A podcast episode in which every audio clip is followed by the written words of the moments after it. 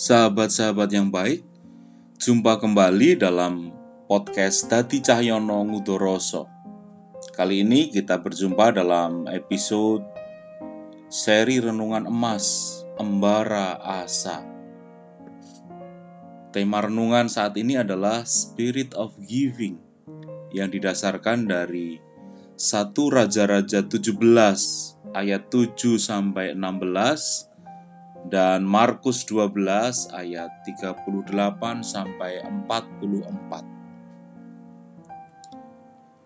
Dengan segenggam tepung dan tetesan minyak terakhirnya, janda Sarfat mempraktikkan hospitalitas yang penuh risiko.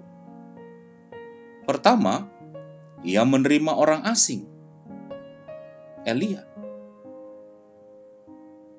Janda Sarfat mengubah status Elia dari orang asing, stranger, menjadi tamu atau guest.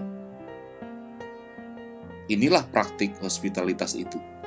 Mengubah stranger menjadi guest.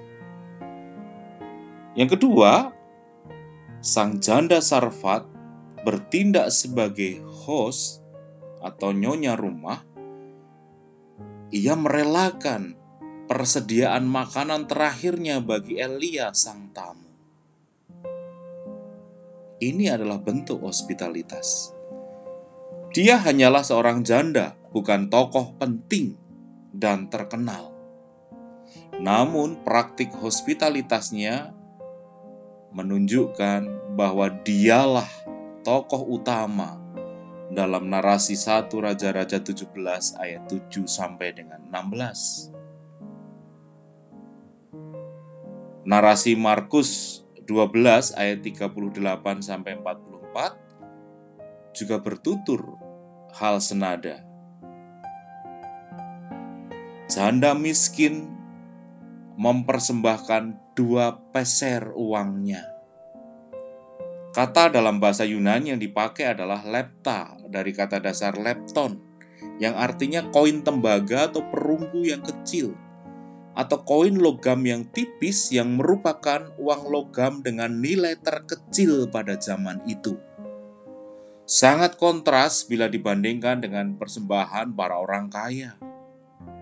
Namun demikian, di dalam narasi itu Yesus justru lebih menghargai persembahan sang janda karena dia memberikan seluruh nafkahnya. Sementara para orang kaya justru hanya memberi sebagian dari kelimpahannya.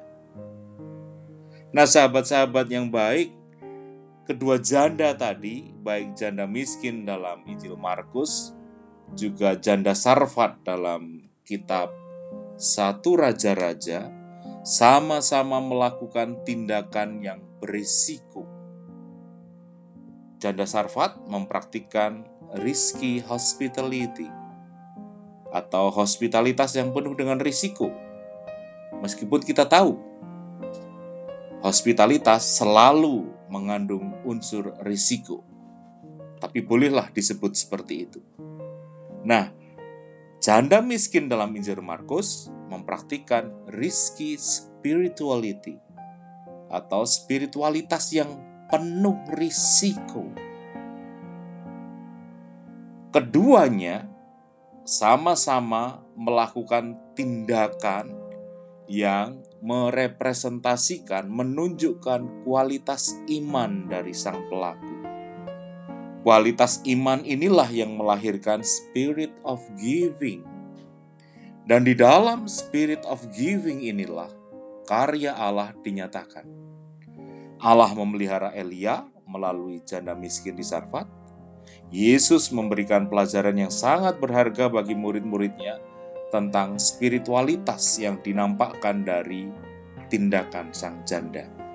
Nah, di tengah situasi pandemi dan kondisi yang serba sulit seperti sekarang ini, beranikah kita membangun spirit of giving dengan mengikuti jejak janda sarfat dan janda miskin dalam narasi kitab suci tadi?